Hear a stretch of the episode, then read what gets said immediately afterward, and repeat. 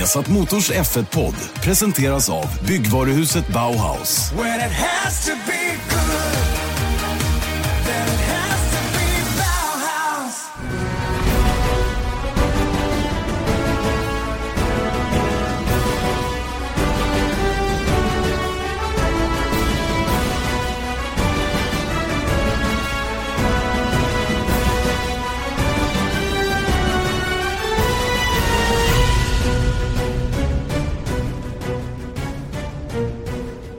Hjärtligt välkomna då till eh, veckans Formel 1-podd. Vi har satt Motors Formel 1-podd, Janne Blomqvist, Erik Steborg tillsammans idag. Jag ser dig. Fantastiskt! Jag ser dig. Vad kul! Det har varit länge sedan nu. Det Eller ja, vi brukar se varandra men vi brukar inte sitta så här fysiskt nära varandra. Nej, exakt. Men du, eh, hur många resdagar har du? Eh, jag har väl inte räknat så på, men jag skulle gissa 130-140 kanske. På ett år. Det är okej. Det är okej. En tredjedel. En tredjedel. Ja. Äh, det blir ju en del. Så blir är det det. ju. Men det är Och det ser vi inte ut att bli mindre till vi nästa pratar år. nästan varenda dag, men vi eh, ses inte så ofta. Nej, men så blir det ju. Så blir det. Eh, Formel 1-podden den här veckan då efter Brasiliens Grand Prix som eh, var det första racet efter att VM var avgjort på förarsidan. Mm. Eh, Lewis Hamilton säkrade titeln i Mexiko och kom ju naturligtvis eh, i ett annat mode får man väl ändå säga då eh, till, till Brasilien och jag tyckte det såg man väl resultatet av kanske också. Visst, de var snabba under träningen och så men det har lite med andra saker att göra. Men när det kom till kval så kom det ett misstag till slut. Mm. Och det där första misstaget, riktiga egentliga på hela säsongen, kommer efter det att VM-titeln är klar. Ja. Och det tror inte jag är någon tillfällighet. Var det inte någonting, att Schumacher gjorde det också i Exakt. Brasilien, samma kurva, Mm. 2004. Racet efter han hade vunnit, eh, Säkra. VM. Mm. Det, det, det säger någonting. Ja, och senast Hamilton blev världsmästare, då vann han inte ett race efter det. Nej. Då vann han titeln i Austin. och det går inte att snacka bort. Det är en väldigt stor skillnad på att vara klar världsmästare. Den pressen man har att leverera är oerhört viktig för att man ska nå upp till den där absoluta toppen på sin förmåga så att säga. Det, det, det är jag helt övertygad om i alla fall. Jag tycker jag får fler och fler bevis för det hela tiden och vi, vi har ju varit inne på sånt här tidigare också att den mentala biten i Formel 1 den är mycket, mycket större än vad folk tror och inser själva. Ja, verkligen. Och det är liksom, vi började prata om det här, du vet när det nästan var säk säkrat i Austin också. Att här, men nu kan han ju ta det lugnt och då kanske han kommer missa där, men det gjorde han ju inte. Nej. Eh, så det visar att han, trots att man har en stor ledning så ligger ändå pressen på för att det säger också någonting, vilket är ganska kul, kanske till nästa säsong, även om någon har en stor ledning så är det inte över Nej. och inte deras huvuden heller. Nej. Och vi har det omvända förhållandet till den som har jagat och sen kommer fram till att nu kommer jag inte kapp längre. Den, den kan ju också köra mer avslappnat fast på ett annat sätt. Ja. Så att, och får då enklare så att säga då, med motståndet för att det blir som det blir. Vilket kanske också visar på att Vettel vann. Någon som fortfarande har press på sig är Bottas. Mm. Ja, alltså i det läget han är i hos Mercedes. Han är indraftad eh, som lite med högerarmen eller med armbågen när Rosberg mycket sent meddelade att han la av i slutet på förra året. Så har ju han haft pressen på sig att bevisa sig värdig i den här platsen.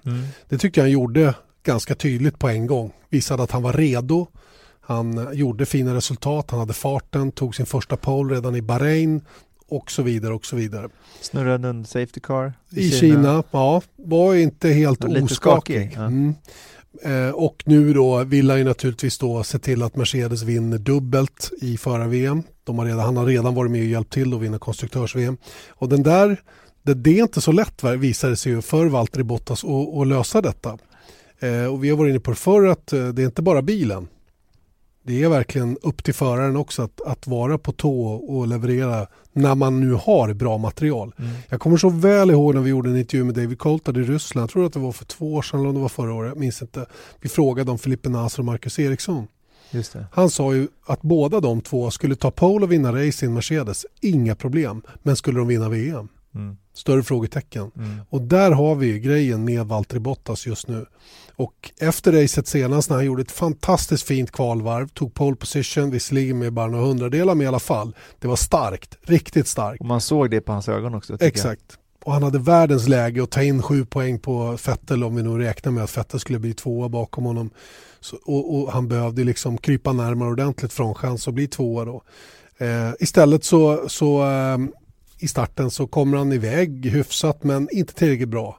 Fettel mycket, mycket mer aggressiv och får sen i efterhand kritik från ganska många håll om att han saknar den där lilla vad ska vi säga, ska vi kalla det för killer instinct? Mm. Jag tycker det är lite så här, det är ett dåligt uttryck för det är inte killer instinct det handlar om egentligen utan det handlar mer om den, här, den där aggressiviteten vid precis rätt tillfälle. Vi kan kalla det horn i pannan.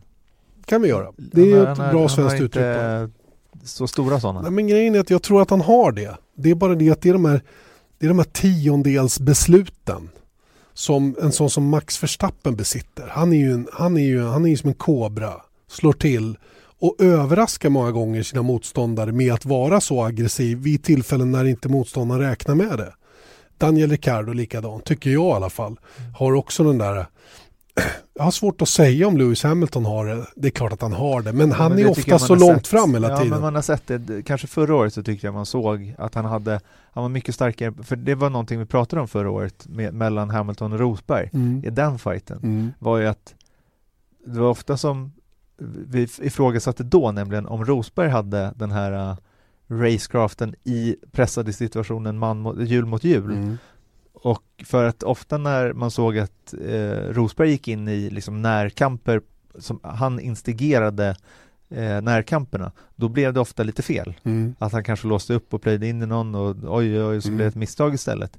Medan Hamilton gör, gjorde inte så, utan ja. han, han, clean. Ja, han pulled it off så att säga medan Rosberg var kanske mer benägen till att klanta till det skulle man kunna säga.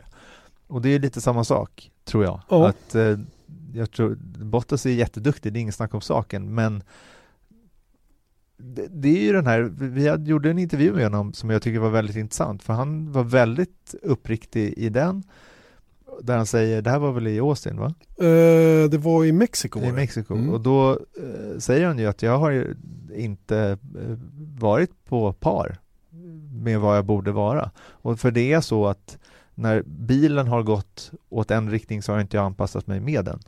Och då är det klart att det finns aspekter då som gör att man börjar ifrågasätta sig själv, kapaciteten också hur man kör för att man gör det inte naturligt. Och det tyckte jag var en väldigt intressant mm ingång att så här, han vet vad han behöver göra men han gör det inte han gör det, men det faller sig inte naturligt. Inte instinktivt, nej. Exakt. Och det, och det är lite så här i starten senaste, jag menar, titta, vi kan jämföra då med den han hade intill sig, hur han agerade i Singapore. Som då slutade i katastrof givetvis. Ja. Men vi kan se den, den, den, den omedelbara reaktionen av linjen, boom, in mot, in mot innerkant för att stänga. Mm.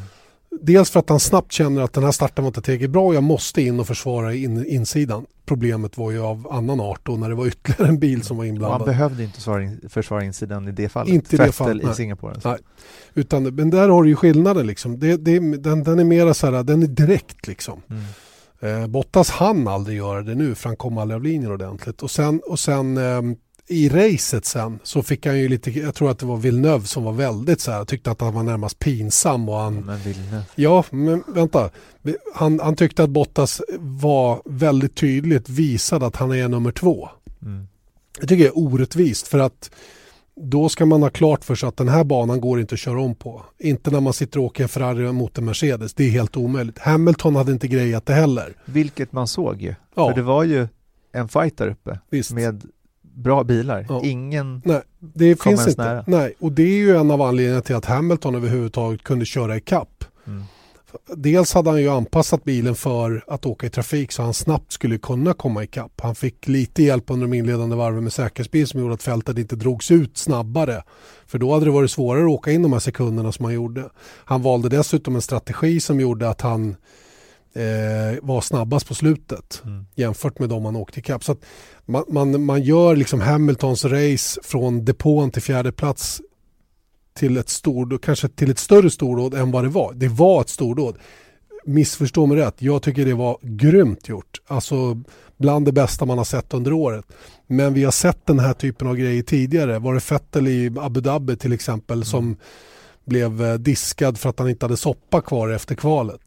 Och valde då att starta från depån, gjorde en, alltså tog ur den ur Park Fermé, justerade setup lite grann och kanske något annat som han tweakade till och helt plötsligt så körde han sig upp till en tredje plats Mm. från start längst bak. Mm.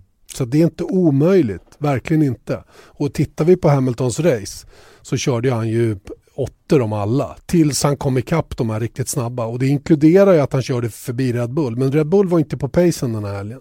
Mm. Så att jag, jag måste säga att eh, det var bra Mm.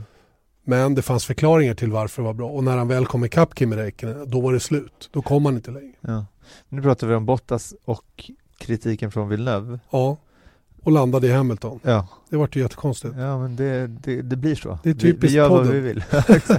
Nej men Bottas, eh, vad jag försökte säga var från början var att Bott, alltså Villeneuve, är, Villeneuve kan inte kritisera Bottas för att han inte kunde attackera på fötter för det gick inte. Det är helt omöjligt. Nej. Det är bara att inse det och han borde veta det Villeneuve. Sen det att, vet han ju, han vill ju bara uttala Ja, sig. Det ska man det ju väl. veta om, om Villeneuve.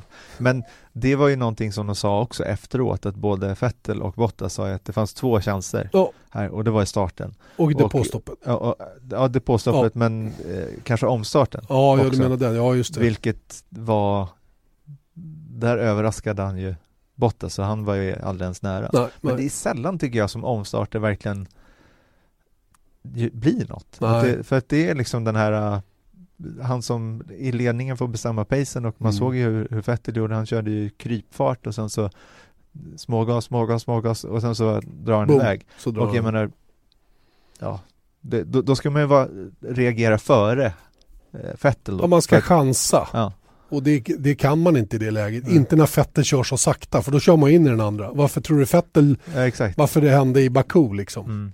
Ja, det, Det var är ju det. exakt det. Vettel försökte ju chansa Mm. och då körde han in i Hamilton. Det, var ju, det är liksom det han riskerar själv en sån här gång när han åker och småjuckar på gasen där Ja. alldeles innan det vet han säkert om också för att det, det var inte han som blev Nej. eh, Nej, och sen- den och- gången. Och Merca försökte ju undercutten då i samband med, det, det påstår fattas en, en sekund säger vi. Mm. för att, för att klara den då. Vettel var ju inte dummare än att de kom in varvet efter. I det läget var Vettel ändå lite pressad för det gick inte så fort då.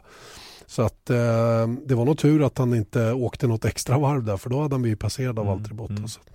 Ja, nej men det, jag vet inte, det, det är kanske någonting som fattas hos Bottas så och det är just den där grejen som vi, som vi kom in på det här att Vettel vill ju bara avsluta bra nu. Han har faktiskt inte vunnit, det här var första racet han vann se, sedan eh. Ungers, Ungerns GP i juli, Mm. vilket säger ganska mycket om hans sista del av säsongen. Mm. Den har ju varit katastrofal faktiskt med tanke på vad som hände, att han var i ledningen, han tappade ledningen och bara liksom blev totalt ifrånåkt av, av Hamilton. Det fanns ju ingenting. Nej. Men eh, det, det- det är ju det som Vettel vill göra nu säkert, att avsluta bra, visa Ferrari att han kan, visa sig själv att han kan och gå in i nästa år med bra momentum. Och det är ju det som Bottas vill göra, men han är ju mer pressad för att han måste verkligen prestera mot sin teamkompis Mm. också. Och nu var, eh, liksom om Hamilton är framför honom, då har ju han svårt att ta sig om Mm.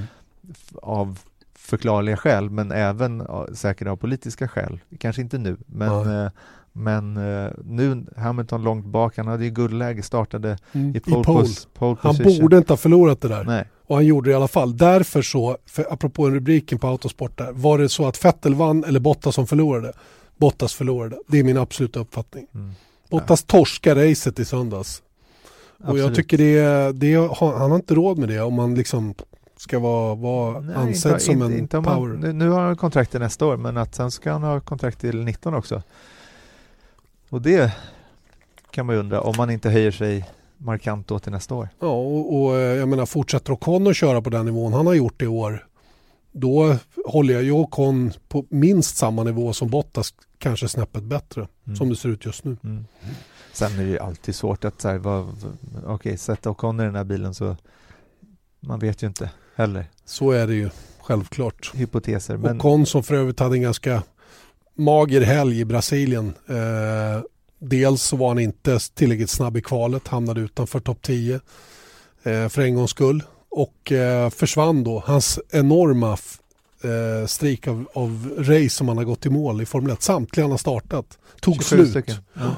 Tog slut då. Eh, Romain Grosjean han jämsides in i kurva 6. Båda dansade av efter att Grosjean var emot lite grann. Skyllde på att han hade punktering. Eh, hade väldigt svårt att acceptera bestraffningen. Günther Steiner spädde på det och förstod inte alls domarnas eh, eh, konsekvenstänk och eh, ja, det gamla vanliga visan. Men det som jag tyckte var intressant var ju att han fick ju beskedet precis när han skulle gå i depå. Mm. Han, han, alltså bestraffningen hade ju skett långt tidigare ja, men det hade de inte sagt Nej. till honom för de vet väl att han de är lite hetlevrad. exakt. Så då var ja, vi har en 10 sekunders eh, stop go. Mm. Han bara what? Mm. Det var box, en, box, box, box. Det var en ganska rolig reaktion. Faktiskt. Ja det var det faktiskt. Eh, aha, så, om vi ska landa på Haas-teamet så var det ju ingen rolig helg för deras del. Kevin Magnussen lite småklump in i första sväng, andra sväng, eh, tog med sig van Dorn eller Hej, jag Ryan Reynolds. På Mint Mobile, we like to do the opposite of what Big Wireless does. They charge you a lot, we charge you a little. So naturally, when they announced they'd be raising their prices due to inflation, we decided to deflate our prices due to not hating you. That's right. We're cutting the price of Mint Unlimited from $30 a month to just $15 a month. Give it a try at mintmobile.com slash switch. $45 upfront for three months plus taxes and fees. Promote for new customers for limited time. Unlimited more than 40 gigabytes per month. Slows. Full terms at mintmobile.com. ihop van Dorn mellan sig och Daniel Ricciardo. Nu var det ingen, ingen som man kunde säga var direkt vållande, enskilt vållande i den, den incidenten. Men nu tycker jag att Kevin var den som gjorde det minst bra i alla fall mm. utav de tre. Mm. Eh, och kommer från ett fint race i Mexiko till ett eh, skitresultat då i, i Brasilien. De är, fortsätter att vara på engelska heter det inconsistent men de är så här Inkonsekvent. Inkonsekvent ja precis. Eller de, de, de går ojämna, går, ojämna mm. ja, precis. Välja djupa dalar och toppar emellanåt. Och... Mm. Har du hört någonting eh, det senaste runt deras kontrakt? Jag har hört att Grosjean har varit frågasatt ganska ordentligt. Ferrari har tryckt på men jag har också hört, Eje har hört framförallt, det sa vi nog i sändning också, att eh, han var rätt säker på att Grosjean ändå kommer att sitta kvar. Mm. Eh, detsamma gäller nog Kevin Magnussen. Så jag tror att Ferrari, åtminstone om inte något oförutsett händer nu, eh, så sitter de nog kvar bägge två, vilket betyder att Ferrari måste välja en av sina juniorer före den andra om den enda platsen i övrigt som finns för deras del tillgänglig då, om det nu är så att Sauber väljer en Ferrari junior. Mm. Så att, och, och sen, att Marcus får vara kvar? Ja, exakt. Men, men eh, jag har ju svårt att tro att de får, kommer åt båda platserna där. Va? Men, men eh, ja. We will see. We will see. Men jag som hoppas sagt, verkligen att det kommer någon gång runt nästa helg att det händer någonting runt Sauber alltså så att vi får reda på mm. vad är grejen så att vi kan gå in i den här vinterdvalan i med, med lugn i magen? Ja, med lite sådär. Ja, Nej, men visst är det så. Eh, all, allt pekar emot att det kommer ett besked i Abu Dhabi. Och, eh, sen, sen, får vi se. Men namnen på allas läppar i depån. Alltså utanför den sfären av svenskar och, och, och sådär.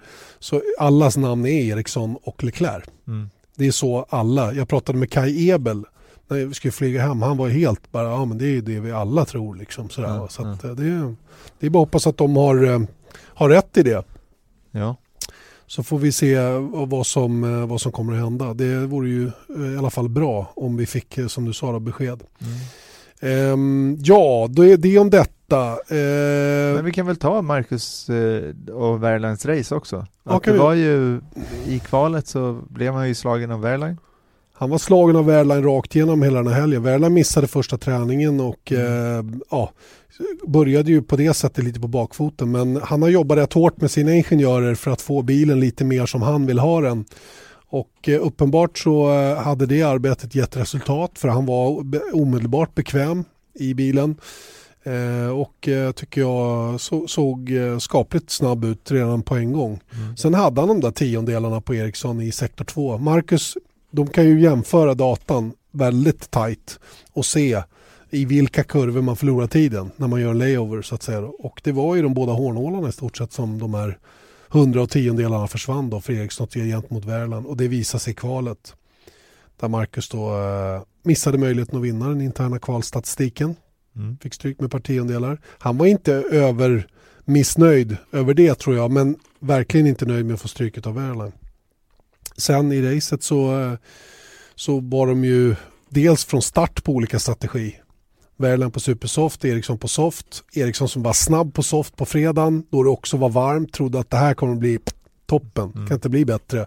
Hade lite mer problem då på supersoft. Värland gjorde tvärtom. Då blev det säkerhetsbil. Värland går in, lägger på soft och då visste teamet att soft skulle ju hålla åtminstone 60 varv. Mm. Så man chansade på att köra honom resten av racet på samma gummiblandning. Och då när Marcus eh, hade problem under första stinten för det blev precis tvärt vad han sa. Han hade inget grepp alls i bak och bara åkte och halkade omkring och tyckte livet var inte så kul. Eh, så fick han ju släppa Wehrlein. Mm. Som sen eh, skulle dra iväg var tanken, vilket han inte gjorde. Han fick 5-6 sekunder och Marcus var orolig då. Mm. Tänkte att det här blir inte roligt. Nej men det, det hörde man ju också. Det var väl bara det, den teamradion som man hör i, i racen är ju alltid lite fördröjd. Man vet ju inte, det kan vara 30 sekunder eller kan det vara två minuter. Mm. Men det var ju bara något varv efter att Weiland hade gått om som han bara, äh, han drar inte ifrån, han drar inte ifrån. Skulle inte han dra ifrån, ja precis. Ja. Så att, eh, ja nej, jag, jag, jag tror att det, då kändes det lite sådär va visste att han var ett påstopp bakom Berline i det läget som då skulle åka och Marcus hade ju också koll på att Soft skulle hålla väldigt länge så han, han var nog rätt så stressad i det läget. Men behöll tålamodet tycker jag på ett bra sätt. Sen när han väl kom in, sen var det ju ruggig fart på honom och körde in nästan en halv minut på Värland och mm. till slut också förbi. Ja, men det var ju bra. Tycker jag också. Det var, väl ett, det var väl det som gjorde att hans helg blev godkänd. Mm. För den hade inte varit godkänd om han hade fått stryk både i kval och race. Nej, det, kan, det kan jag inte tycka. Sen var det lite oflyt att Stroll hamnade emellan dem där. Mm. Eh, för annars hade Marcus mycket snabbare varit i kapp Värland och förbi och hade nog kunnat jaga ja, som han själv sa, ja. troligen inte tagit någon mer placering men varit nära, närmare Gasly i alla fall. Ja, exakt, och då spelar det, det formalia ja. så att säga. Hade det varit poängplats så hade det varit lite surare kanske. Men ja, det, det hade varit mm. faktiskt. Men äh, än en gång så tycker jag att det är förvånansvärt. De, nu var ju Verlines P16 i, i kvalet och än en gång nära Q2 mm. och de slåss faktiskt med andra förare. Mm. Det är liksom ingen snack om det Nej. längre. Med den här fjolårsmotorn. Jag, jag har sagt det 9000 gånger nu men jag är ändå förvånad mm. att, att, eh, att det fungerar. Men jättekul. Ja, och det är ju det att de, de har bättre koll på tire management. Det säger ju Fred Vassör i intervjun vi gjorde med honom också. Tire management är hela nyckeln mm. till att det nu går fortare än vad det har gjort tidigare. Och lite lättare bil såklart. Ja, ja, ja visst, men, men eh, det är ju bara den ena bilen. Den andra har ju varit på, på minimi ja, i stort sett hela säsongen. Så det är nog tire management i grunden mm. som är anledning till att det nu funkar bättre. Och du, mm. Kviat fick ingen spark. Nej. Verstappen vann inte. Nej. Så det är, väl, eh, det är väl som det är nu. Men jag tycker samtidigt då, Verstappen sa ju så här, nu ser jag det här som ett eh, minimästerskap från när det nu var, några race sedan och han har ju kört hur bra som helst och sen så har han vunnit två av de senaste fyra, fyra inför mm. det här då. Mm. Och såg jättebra ut, säger att nu har vi bilen och paketet att kunna vinna resten av racen. Jättekul. Och sen så utanför topp fyra. Mm. Och för första gången sen Ungerns GP Ungerns Grand Prix, ja, som inte vi hade någon topp fyra Red Bull. Och det tror jag att det har inte med Red Bull att göra. det, lite hade det med det att göra, men jag tror att det var power deficit. Alltså de hade inte, de hade inte motor som var tillräckligt bra. Det gäller samtliga Renault-bilar. Mm som eh, de fick helt enkelt och det sägs ju i efterhand också att de har åkt med ett mer konservativt mode på motorn då för att få den att hålla. Och, och hela den där Renault-grejen eskalerade ju under helgen där när det kastades paj från ena till andra hållet. Det var faktiskt spännande och vi hade faktiskt en uh, live-intervju till söndagen. Mm. Skulle vi faktiskt göra en uh, intervju med Cyril Abiteboul, det var klart. Um, Sen så fick jag ett mejl, jag tror att det här var rätt sent, alltså på fredagen. Mm. Och det är lite oskönt att få ett sånt mejl då. Att då säger de så nej men eh, vi, vi drar på det här, ni kan få den i Abu Dhabi istället. Och då sa jag så här, men eh, nu kan vi banda någonting, kan vi liksom göra någonting? De bara, nej det är kämpigt nu, så här. Det, schemat är fullt och eh, ingen officiell anledning. Nej, och nej. sen så bara, okay, man kan prata med Alan Prost istället som är ju rådgivare, eller vad man ska säga. Special advisor. Ja, rådgivare.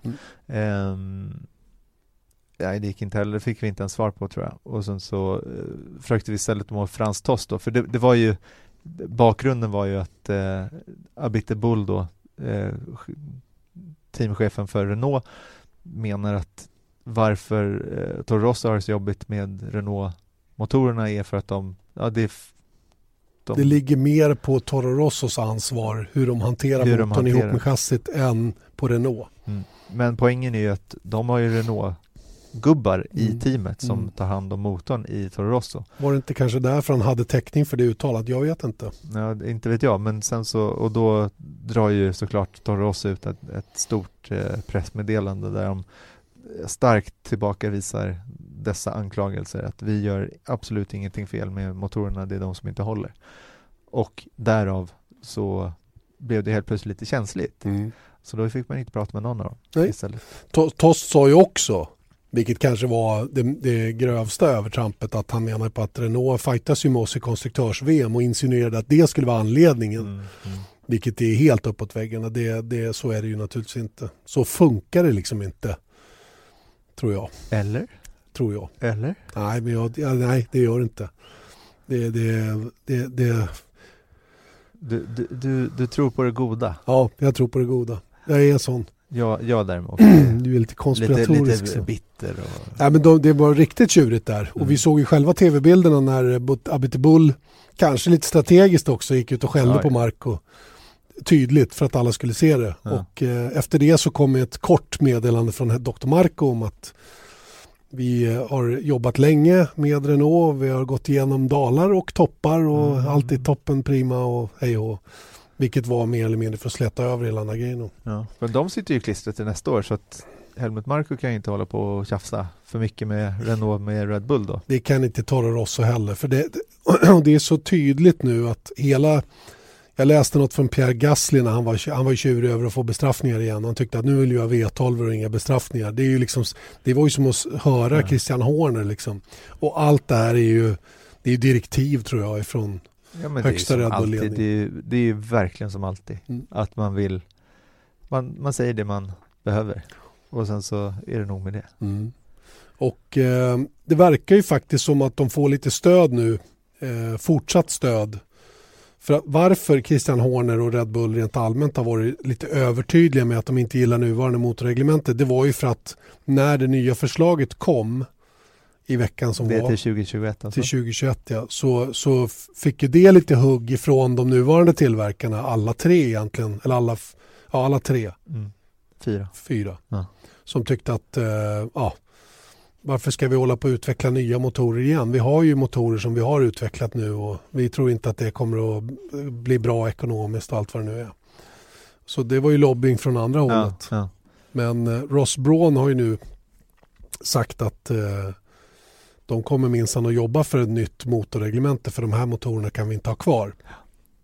Vilket det... är lite intressant för det var ju någonting som jag tror vi pratade om det förra veckan att alltså varför? Jo, för att det är för jobbigt att ta sig in i Formel 1. Mm. Och man kan inte förlita sig på de som finns bara för att ingen, och, och hade jag, var jag motortillverkare och så säger men du ska inte köra F1 då?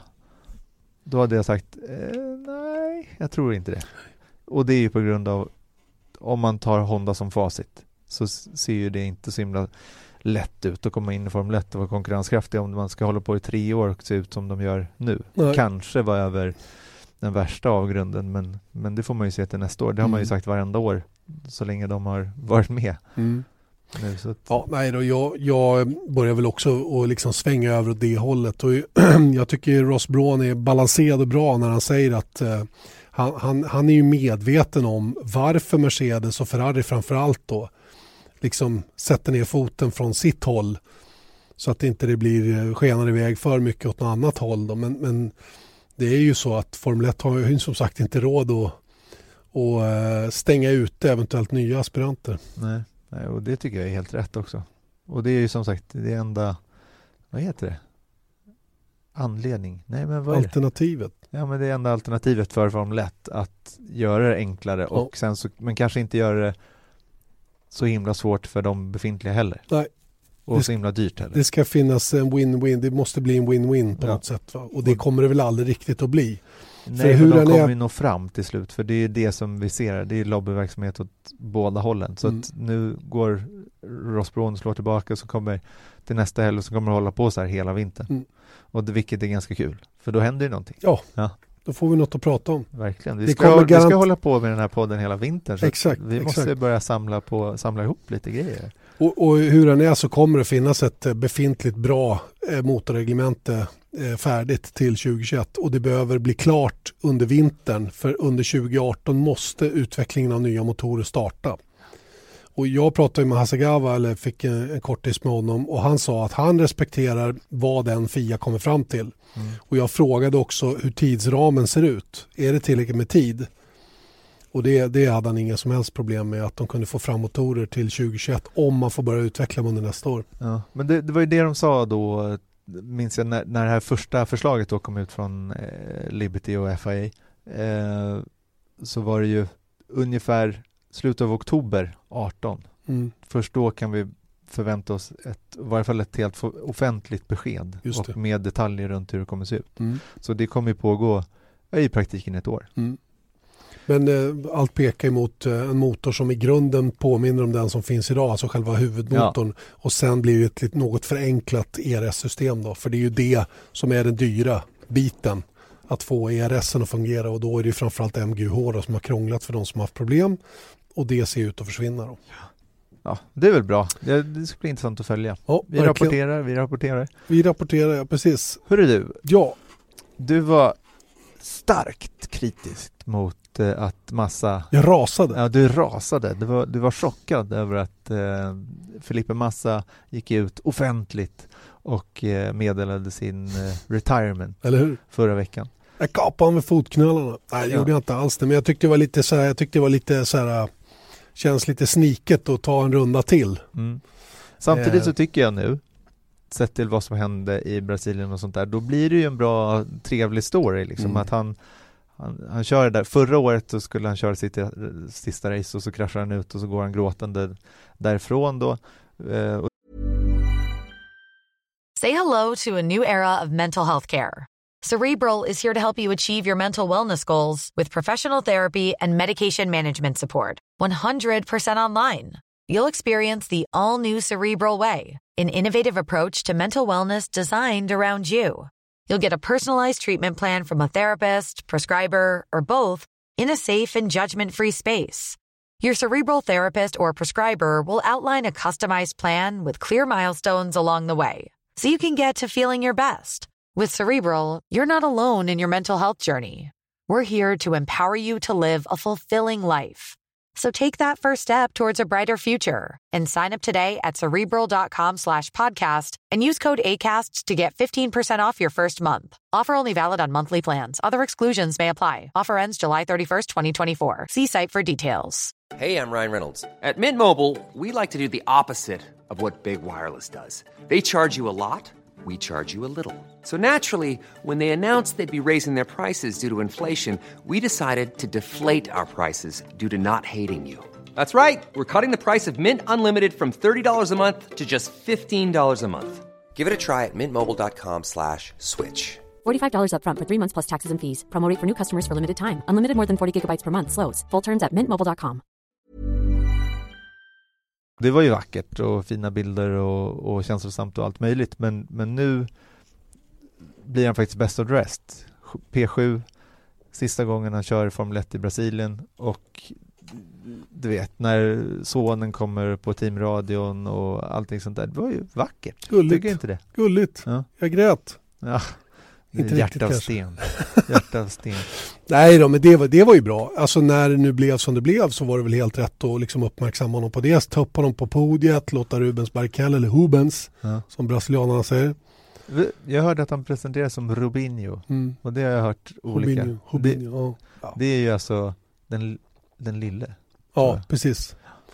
Exakt så sa faktiskt Morris, våran chaufför också, när han Rubinho. förklarade det där med Ja.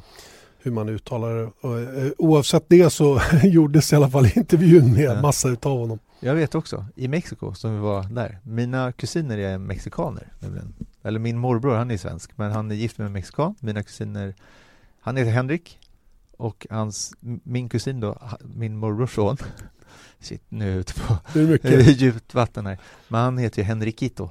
Henrikito. Ja, Sådär. för att eh, det är ju Henrik den lille då. Just det, just det.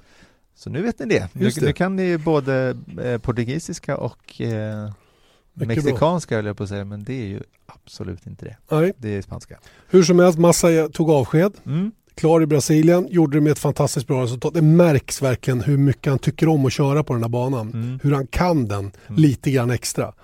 Och eh, det är bara att jämföra honom med Stroll som alla hade varit där tidigare. Han var ju nowhere hela helgen. Mm. Och när vi pratade med Lance Stroll så pratade jag just om det.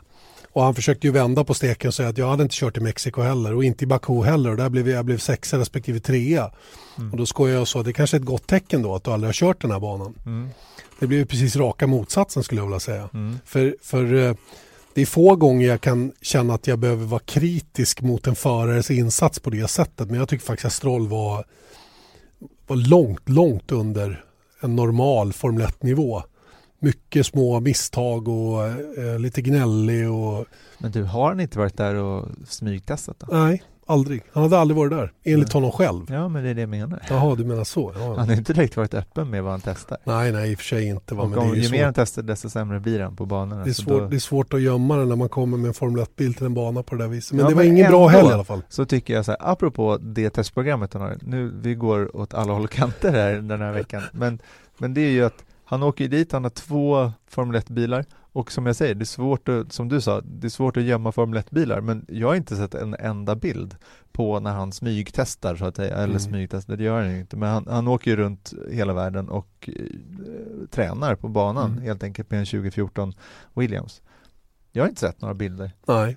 Och det är det, var, ju, var ju knappt vi fick några bilder ens när Kubica körde på Hungaroring där. Det var Ja. en helvit maskin som det ändå fanns några bilder på. Men jag tror att de har varit noga med att inte släppa in någon på banorna. Mm. Men ändå, det ja, är ju det är svårt stort område. Exakt, det är svårt att kontrollera att ingen tar några bilder. Och det var ju, det var ju också, när, eh, Merca var ju och gjorde något fultest ju, för Ja. två år sedan. De gjorde en däcktest åt Pirelli ja, Just som det. var closed Ja. helt. Men det kom ut bilder på, Mm, med någon som körde en svart hjälm då, exakt. och sånt där. Så det var ju bra. I alla fall, du, Vi, vi eh, stannar kvar lite vid Brasilien ja, för att eh, det här stället eh, fick med all rätt mycket kritik. mm. Det var fruktansvärt med säkerheten eh, runt banan. Eh, ett flertal incidenter. Vi, vi pratade faktiskt om det i förra veckans podd att det är farligt att vara i Brasilien, Sao Paulo, Interlagos. Men jag tycker den här helgen blev extrem med eh, åtminstone tre allvarliga incidenter. Dels var det ju Mercedes mekaniker som åkte hem sent. Jag tror det var torsdag eller var fredag Ja. Och eh, eh, blev då rånade. Pistolbeväpnade rånare som Sköt dels skott sköt skott och dels, eh, eh, dels hade en pistol mot huvudet på en av mekanikerna. Ingen skadades fysiskt men eh, de blev av med massa grejer. Och det var första incidenten. Sen hade ju Sauber en incident också där de gjorde det klassiska. De åker och kör på en annan bil och försöker få dem att stanna. Och sen så kommer det någon mer fram. Och ska, och, men Ja. de här var för rutinerade så de, de trappade gasen i botten och stack därifrån och klarade sig. Mm. Men sen var det ju Pirelli då som om det var söndag kväll tror jag de blev rånade. Ja, ja. Lördag kväll eller söndag kväll så var de utsatta för ett rånförsök eller ett rån. Vilket gjorde att Pirelli sen ställde in däcktesten med McLaren som skulle köras på måndag, tisdag eller om det var tisdag, onsdag. Mm. Och det här är ju långt ifrån acceptabelt. Och när man är där så kan jag inte påstå att jag gick runt och var rädd. Men man låser kommentatorshytten varje gång man går därifrån. Mm. Man låser in allt man har och är noga med att inte ha någon, några värdesaker som ligger och skvalpar. Man blir ombedd att ta av sig klockan och sådana där grejer. Va? Att inte ha några onödiga värdesaker på sig. Nu lämnade vi banan så pass tidigt. För de, oftast de här incidenterna händer ju då när de sista lämnar banan. Ja, För då har ju säkerheten lämnat alla poliser. Det finns ju ingen kvar. nej. Eh, och det är då de slår till liksom. För då är det lättare att, att liksom komma åt. Och ehm, nu, fick, eh, nu fick man ju väldigt mycket kritik efter den här helgen och det är många som, som höjer röster för att man inte ska köra i Sao Paulo efter det som hände den här helgen. Mm.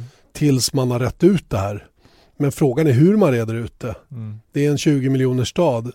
Eh, Ja, och, liksom om banområdet har ju arrangören ändå ansvar för, men Mm. det, det är ju när de kommer ut från banan, så Exakt. det är väl någonstans måste det ju, Ja, vi måste ju ändå till och från banan på något sätt. exakt. Och det är ju att man får köra omärkta bilar på något sätt. Kanske inte åka med minibussar där det sitter sex stycken ingenjörer där alla vet att de har massa värdesaker i bilen och sådana grejer. För det är ju oftast de bilarna som man ger sig på. Mm. Vi hade en bil med helsvarta rutor.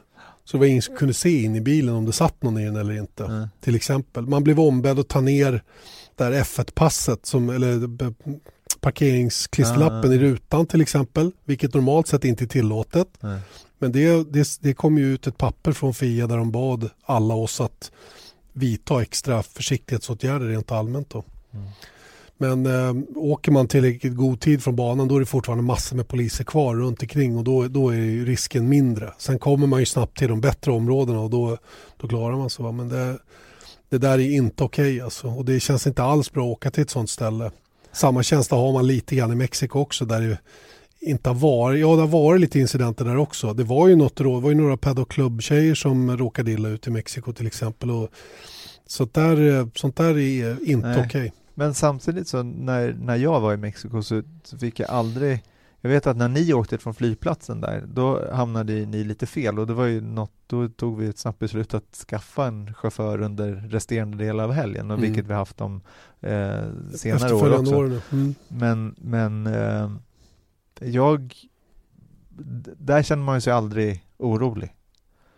Inte egentligen. Egent- Och inte runt banområdet heller, för det är också, det är sådana tider, men jag tror att det är just när de hoppar på bilar, för där var ju mitt inne i stan, man Mm. kommer liksom inte, det är ju bebyggelse direkt och det är ganska okej områden runt banan också, det är ju fina hotell och sånt där också, så jag tror inte att det är lika farligt där, men just, och jag menar som vi sa förra veckan också, det är inte första året där händer heller, utan det, det, det har säkert hänt tio gånger de senaste tio åren och nu händer tre stycken på samma, eh, samma helg. Det är klart att eh, det blir extra av det. Mm.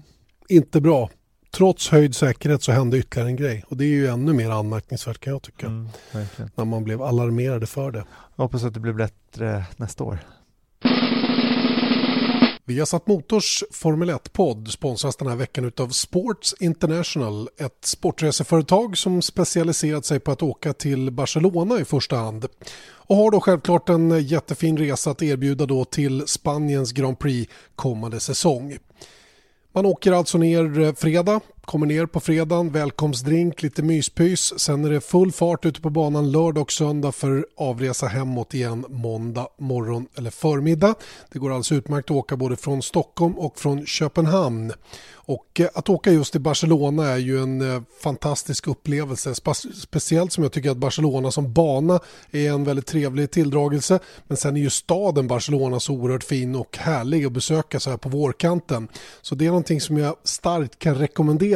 Och varför då inte åka med just Sport International på den här resan till Barcelona? Vill man nu eh, och är intresserad av det här och vill ha en offert på vad det kostar, ja då tar man kontakt med Johan snabel-a sportsinternational.se Johan snabela sportsinternational.se Där får du all information och eh, mejlar du till Johan så kommer han att skicka dig en offert på vad det kostar och eh, jag hoppas verkligen att du följer med och tittar nu på Spaniens Grand Prix i Barcelona kommande säsong. Ja, vi pratade om eh, Massas avsked och han verkar ju faktiskt bli nu, nu när han lägger hjälmen på hyllan. Han blir kanske sista brasilianaren i Formel 1 på några år i alla fall.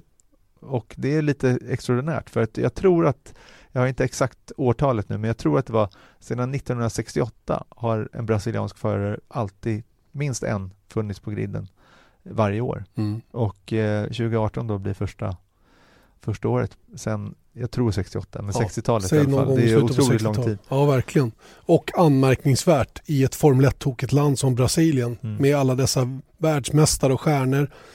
Jag menar det är Senna, det är Piqué, eh, Fittipaldi. Fittipaldi och så vidare. Va? Det, det har varit oerhört många stora namn som har kommit därifrån. Och ekonomin där borta har alltid funnits för att pusha fram nya förare. Och eh, faktum var att Felipe Nasser hade kunnat varit på griden i år om de hade skött sina åtaganden eh, fick jag reda på nu i helgen. Eh, de hade både Petrobras och Banco do Brasil ytterligare en säsong. Men eh, lyckades, och de ville jobba och göra en gemensam grej. Ja. Men Petrobras och Banco do Brasil ville göra någonting. Ja, ihop med Felipe Nasser då, och då skulle han köra vidare för Sauber var tanken. Men de lyckades strula bort det där avtalet från, från Nassers managements sida ville väl kanske ha en del av kakan själva och ja, det blev helt enkelt eh, aldrig någon uppgörelse klar. Så de drog tillbaka hela sitt stöd och därmed försvann Nasers möjligheter att köra vidare. Så egentligen hade vi varit utan Brasse redan i år. Ja, om, om, nu inte Massa hade blivit tillbakakallad då, eh, för ytterligare en säsong då när, när Bottas blev eh, uppkallad eller ja, uppkallad till Mercedes. Och det här är, är ju som sagt lite intressant för att det fyller inte på någonting bakifrån i Brasilien just nu. Ehm, pratade med Eje om det och när jag nämnde Sette Camara i Formel 2 så sa han vem är det? Ja. Och, och, det säger ju en del. Ja. Nu vet han givetvis vem det är. Ja, men det, det vet, han vet ju vem det är. Va? Men det är ju ingen som har, som har um, satt några avtryck egentligen. Nej. Han var ju väldigt bra för några år sedan. Jag vet i Macau, då hade han Red Bull-sponsring och han var Red Bull-förare. Men sen försvann han ut därifrån för att det inte gick tillräckligt bra. Och nu hänger väl hans karriär lite grann i luften också inför fortsättningen. Här. Även om han hemma i Brasilien anses vara ganska bra mm. enligt återigen då våran brasilianska förare som har bra koll på det där för han är gammal racerförare själv. Mm. Men eh, det börjar gå torrt där borta också nu. Och det är lite intressant ändå att hur vågigt det kan bli. När man tänker på Brasilien då, då jag menar det kommer inte vara någon från Brasilien nästa år. Eh, vi har sett, eh, ja, svenskar är ju så få så det är ingen sån här stor makt inom Formel 1 men eh, britter har ju ändå varit färre åtminstone mot slutet av året än mm. vad det varit tidigare år med förut så hade vi Button, vi hade Palmer eh, hur många som helst men mm. nu, nu är, är, de ju färre ja. också sen så är det ju många som kommer in förvisso men eh, titta på Frankrike. In, innan eh, Grosjean kom in och etablerade sig på allvar så var det egentligen jag tror att det var ett gap alltså från Jean Alesi i början av 2000-talet. Och sen var det den här Frank Montagny som körde, vad körde han för Han körde Toyota? för, eh, för um, eh, vad heter de?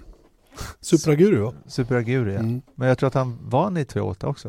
Eh, han, var, han var testförare, testförare i Toyota. För Toyota. Mm. De hade Frank Pereira också, en annan fransman som var testförare i Toyota. Mm. Toyota hade lite bra franska kopplingar där så det var väl den anledningen att de hade de här två gubbarna. Montagny mm. fick sen köra för några race i alla fall för Superagur. Jag tror ja. inte han körde full säsong. Nej, nej. Så att det är inte förrän Grosjean kom in nu då som det har tagit ny fart och nu är de helt plötsligt tre stycken mm. på startgriden. Sannolikt tre då nästa år. Ja, med Grosjean, Ocon och eh, Pierre Gasly. Pierre Gasly. Mm. Så Charles Leclerc. Charles Leclerc är inte fransman dock, han är monegask. Yes. Från Monaco. Ja, typ. Så att, eh, men det är typ, typ, frans. typ fransman. Ja. Typ pratar fransman. franska i alla fall. Ja det gör han definitivt. Det gör Nico Rosberg också. Ja, det är ganska många som pratar franska om det skulle krävas. Ja. Eh, och tittar vi då på de unga förarna som finns nu då, för att eh, vi hörde ju Dieter Enken då förra veckan prata om att vi kan vara på väg in i en period där vi har kanske det starkaste startfältet på väldigt, väldigt länge. Mm. Sett till hur mycket nya unga duktiga talanger som är på väg in. Och då eh, landar vi ju naturligtvis på Lando Norris. Mm. Som eh, redan har gjort klart att han ska köra F2 kommande helg i Abu Dhabi. Varför han, gjorde du Lando? För att vi landar ah, i Lando. Ah, nu fattar jag. Ja. Lite segt. Lite Göteborgshumor. Ah. hur som helst, eh, Lando Norris som, som har massor att göra skulle ha kört däcktesten nu i Brasilien för McLaren. Nu vart den inställd. Han ska köra Macau kommande helg som ni ser på Viasat Motor och Viaplay för övrigt. Eh, och sen ska han köra för Campos i Formel 2 avslutningshelgen i Abu Dhabi. Så han har mycket och han kommer garanterat att köra för McLaren eh, i den test, Formel 1-test som körs efter säsongen mm. innan man stänger garagen helt och hållet under december. Jätteduktig kille ju som har fått massor med beröm och, och är en sån här supertalang då på väg upp igen. Ja, lite samma liksom eh, grej som Verstappen. Lite. Lite samma hype i alla fall. För han, Exakt. han stängde F3 EM, var det sista? Det var nog sista helgen, men ja, det var det liksom var det. formalia att For, han skulle ja, vinna. Ja, det var det. det, var det. Joel hade en liten chans, och, ja. Ja. men extremt liten. Mm. Så Joel det är en eh, toppen eh, förare antagligen som eh, kommer in. Sen så är det alltid spännande att se de förarna när de har klivit upp i lite motstarkare bilar. Det är en helt annan femma. Eh, men han har eh, bra CV hittills. Verkligen, mycket starkt sådant. Sen har vi George Russell som eh, klev in på arenan på allvar nu den här helgen som var. Eh, körde för Force India, kommer att köra för Force India under första träningen också i Abu Dhabi. Eh, Russell som är regerande GP3-mästare, vann årets mästerskap med en helg till godo. Eh, och eh, sägs ju också vara väldigt, väldigt stark. Eh, Enligt rapporter nu i veckan så kommer han sannolikt att få en tredje och reservförarroll i Force India nästa säsong. Naturligtvis då med Mercedes goda minne då eftersom det är där han har sin anställning om vi kan kalla det det då. Jobbat jättemycket i, i simulator och sådana grejer för Mercedes senaste, senaste året. Han Mm. blev ju Mercedes före i oktober förra året tror jag det var. Eh, och har efter det då eh, ja, groomats så att säga utav världsmästarteamet. Charles Leclerc har vi ju nämnt. Mm. En supertalang det också. Har ju kört en Formel 2-säsong slash GP2 då, som, som har varit utöver det vanliga. Mm. Eh, Och eh, debutant. Superformula Ja, som han faktiskt, ja det var en halv poäng. det var Pierre Gasly. det. Ja, sorry.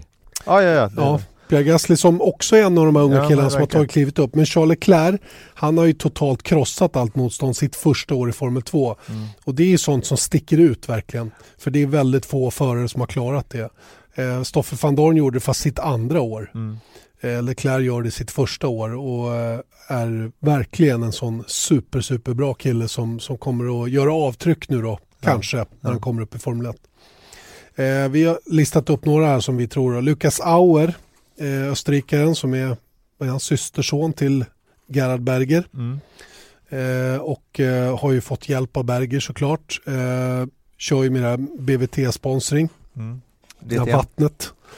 Som, eh, som har varit i DTM, ja precis. Och redan gjort en test för, eh, för Force India, den som gick i Budapest. Eh, ska väl också finnas med och köra eh, de här testdagarna efter säsongen skulle jag gissa för Force India. Eh, och eh, ja, det finns ett antal duktiga förare som, som, som ligger och skvalpar där på väg in så att säga. Då. Och Den senaste som har lanserats ganska hårt i brittisk media av alla ställen då är ju Rosenqvist då, där Peter Windsor framförallt då i, i eh, ja, för någon vecka sedan då gick Sunny Sky Ja, det var deras med. eh, weekend rapport eller vad det kallas. Mm. Där han tyckte det var helt makalöst konstigt att inte Rosenqvist har varit på tapeten för styrningen i Williams till exempel. Mm.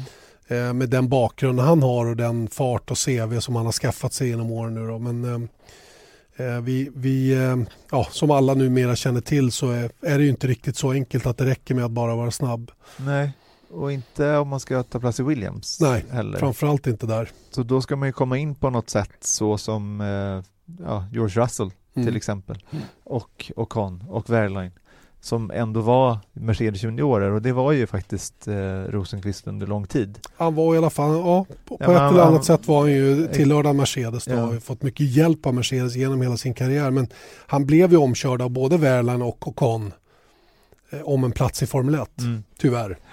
Och där gick Och nog tåget, ja och i DTM också, där gick nog tåget för Rosenqvist när det gäller just de grejerna då. Sen att han, eh, att han har visat att han är tillräckligt snabb för en, för en plats i Formel 1, det, det är väl utom allt tvivel Mm. för de allra flesta tror jag. Men lite tråkigt då är det ju så att det kräver lite andra förutsättningar också. Då. Det, de avgörande gångerna så har det inte riktigt räckt till då i konkurrensen så att säga. Och det är ju det som har gjort att det har blivit har Ja, och sen så tror jag också att det är en stor del är ju landet man är ifrån fortfarande. Att marketability. Att det är klart att en, en är man lika snabb som en fransman och en tysk så tror jag att man ryker för att man är svensk. Om det skulle vara så. Så, så kan det absolut vara. Och, ehm, ja, det är lite tråkigt naturligtvis för oss svenskar att det är på det viset. Tänk att ha haft ytterligare en svensk som åtminstone på allvar var aktuell. Mm. Men eh, det har ju tyvärr aldrig varit fallet. Va? Och hade det varit fallet då hade Felix testat Formel 1 redan. Mm. och, och, och liksom haft den möjligheten. Va? Men, men inte ens det har ju skett tyvärr. Va? Och det, det är lite synd. Det är lite waste of talent kan jag tycka. Ja. Men då måste man ju säga det att det är aldrig för sent. Det kan hända någonting som är konstigt. Om du skulle... Fråga Brandon Hartley. Exakt, det var det jag skulle komma till. Mm. Eller fråga André Lotterer. Eller, du vet, så, helt Ja. plötsligt så kanske en chans dyker upp och då Mm. tror jag att han gärna tar den. Absolut. Men, eh, men sett till gängse normen hur man kommer in i Formel 1 så, så är det ju tyvärr så att det känns som att Rosenqvist är inte med på kartan där Nej. än. Och det är inte, än en gång, det är inte på grund av hans fart utan det är av andra anledningar. Just det. Vilket visar på behovet av att ha ett starkt management redan tidigt i karriären och att man får bra kontakter med Young Driver-programmen. Men som EIL sa till mig nu när vi var i Brasilien så är inte det alltid bara positivt heller att Nej. bli hårt knuten till en tillverkare. För skulle man missa den chansen ja då, då är alla andra chanser borta. Å andra Mm. sidan kan ju det också vara den enda möjligheten. Exakt. Så att det går att se från två håll. Eh, verkligen va. Och, ehm, Samtidigt så tror jag också att så här, hade det blivit så att man eh, det, kan man ta sig så högt upp och vara obunden som till exempel eh, Marcus Eriksson var då är, har man ju öppningar på alla alla styrningar är en möjlighet Mm. även om det är mer eller mindre men, men det är just, är du knuten till Mercedes då är det ju faktiskt då är det Mercedes eller ingenting alls. just det. Du kan inte gå till Red Bull då helt plötsligt. Samtidigt Erik så är det ju också så att att göra som, som Ericsson och deras management har gjort, att vara oberoende för att man har klarat det rent Mm. ekonomiskt. Så, så blir man och man får börja på en mycket lägre nivå. Mm. Och det, och det har ju visat sig Ja vara- visst, så och, är och, det det, ju. och det är ju, och det gör ju, det är ju Du menar svårt. att han fick en Caterham-styrning Ja. och sen gick till Sauber? För, för Caterham var ju bara för att komma in i Formel 1. Sen Ja. var ju ambitionen naturligtvis att hela tiden leta, leta i snårskogen vägar framåt. Va? Och det, är- det är inte helt lätt det heller. Eh, och det är mycket lättare att som Ocon komma till Force India som är en topp 10-bil Mm. Och göra bra resultat där. Visst, han körde Och märkas i alla fall. ja, en tredjedel säsong i, Manor, vilket var tillräckligt för honom då att få chansen i, i Force India så småningom då, i konkurrens med Pascal Wehrlein. Då. Men där var det ju andra saker än ren speed som avgjorde vem av dem som skulle få den chansen Mm. har vi fått reda på i efterhand. Då. Men, och när man, när man då får möjligheten, det är då man gäller att ta chansen och det har ju verkligen Ocon gjort. Ja. Men varför vi radade upp alla de här förarna också, det är ganska intressant nu att ingen av de här som ja, Norris, Russell, Leclerc, eller Leclerc är ju aktuell för en styrning nästa år, men Auer och, och flera till. Men det är ju väldigt spännande till nästa, under nästa säsong när de kommer vara liksom på tröskeln in i Mm. Formel 1 på riktigt. Till och, de 19, kom, ja, och de kommer liksom figurera där. Och helt plötsligt så kommer det ju det, det, det är ju hela den här rondaten att det är många, nu är eh, Verstappen uppknuten till exempel och Vettel i Ferrari, men det är de här mindre teamen som inte skriver lika långa kontrakt som gör att dels att gamla etablerade förare kanske kan känna sig lite hotade. Jag menar, sitter en eh, George Russell eh, och gör jättebra ifrån sig på fredagsträningen och då, då kanske det är lite eh, det kan stöka till det för Perez till exempel Det kan om det göra.